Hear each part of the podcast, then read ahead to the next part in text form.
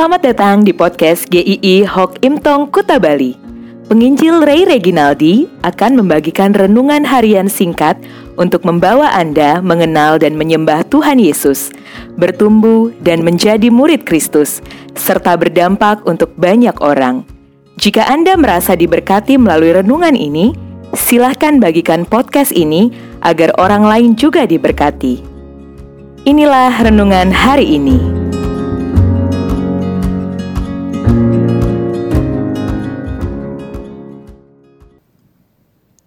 Ikuti jalan Tuhan. Mazmur 37 ayat kelima.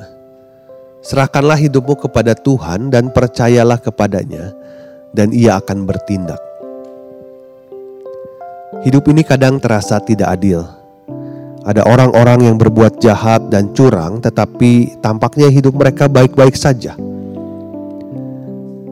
Itu juga sudah terjadi di masa lampau. Daud menyaksikan hal yang sama di zamannya seperti kalau melihat orang yang korupsi hidupnya tampaknya enak. Bisa jalan-jalan ke luar negeri, beli barang-barang bermerek, padahal banyak orang menderita di atas kesenangan mereka. Atau di kantor ketika ada orang yang pandai menjilat justru malah yang mudah naik jabatan. Melihat kenyataan seperti itu tentu sering membuat geram dan marah. Namun kita kadang tidak berdaya untuk menghadapi orang-orang seperti itu dan membuat kita menjadi tertekan, susah hati. Malah ada juga godaan yang besar untuk melakukan hal yang sama, supaya kita bisa merasakan kenyamanan seperti mereka juga. Mazmur ini mengingatkan bahwa ada sikap yang jelas yang harus diambil oleh anak-anak Tuhan. Mazmur 37 ayat 1 diawali, Jangan marah karena orang yang berbuat jahat.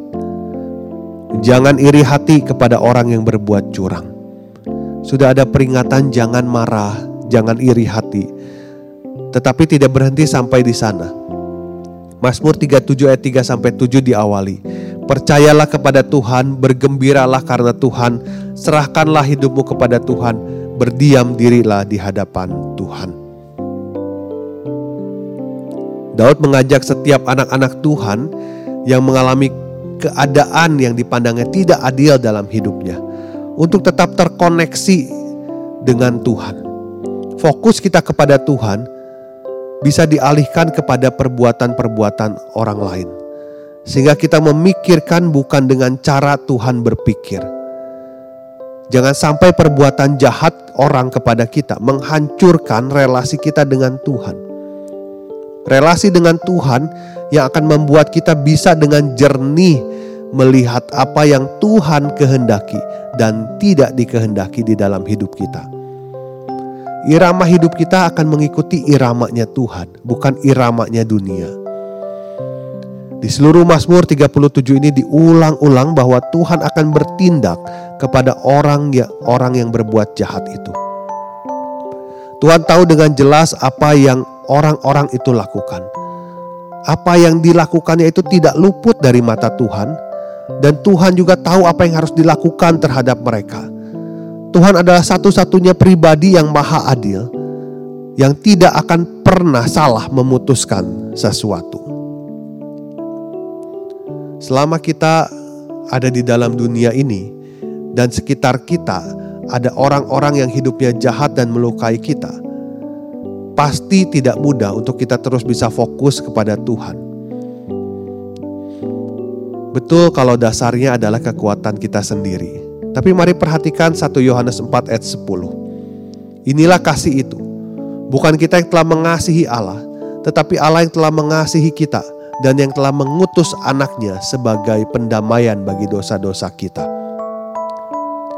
Kita dahulu adalah musuh Allah, kita tidak mencari Allah. Kita dulu sama berdosanya dengan orang-orang yang tidak mengenal Tuhan. Hanya kasih Tuhan yang mendamaikan kita. Oleh karena dasar itulah kita bisa fokus pada Tuhan dan kita malah bisa melakukan satu aksi yang indah. Seperti yang Tuhan Yesus katakan. Kasihilah musuhmu dan berdoalah bagi mereka yang menganiaya kamu. Atau Roma 12 ayat 21. Janganlah kamu kalah terhadap kejahatan, tetapi kalahkanlah kejahatan dengan kebaikan. Ada jalur lain yang Tuhan tetapkan bagi orang percaya. Tidak sama dengan dunia ini. Tetapi justru memberikan perubahan bagi dunia ini. Pembalasan hanya akan menghasilkan luka lagi. Tetapi kasih akan membalut luka itu. Karena kasih Kristuslah, maka kita bisa mengasihi orang yang melukai kita orang yang merugikan kita, mereka yang telah menggosipkan kita, orang yang berusaha menyingkirkan kita, yang mengkhianati kita. Tetap fokus pada kasih Tuhan dan ikuti jalannya Tuhan. Amin.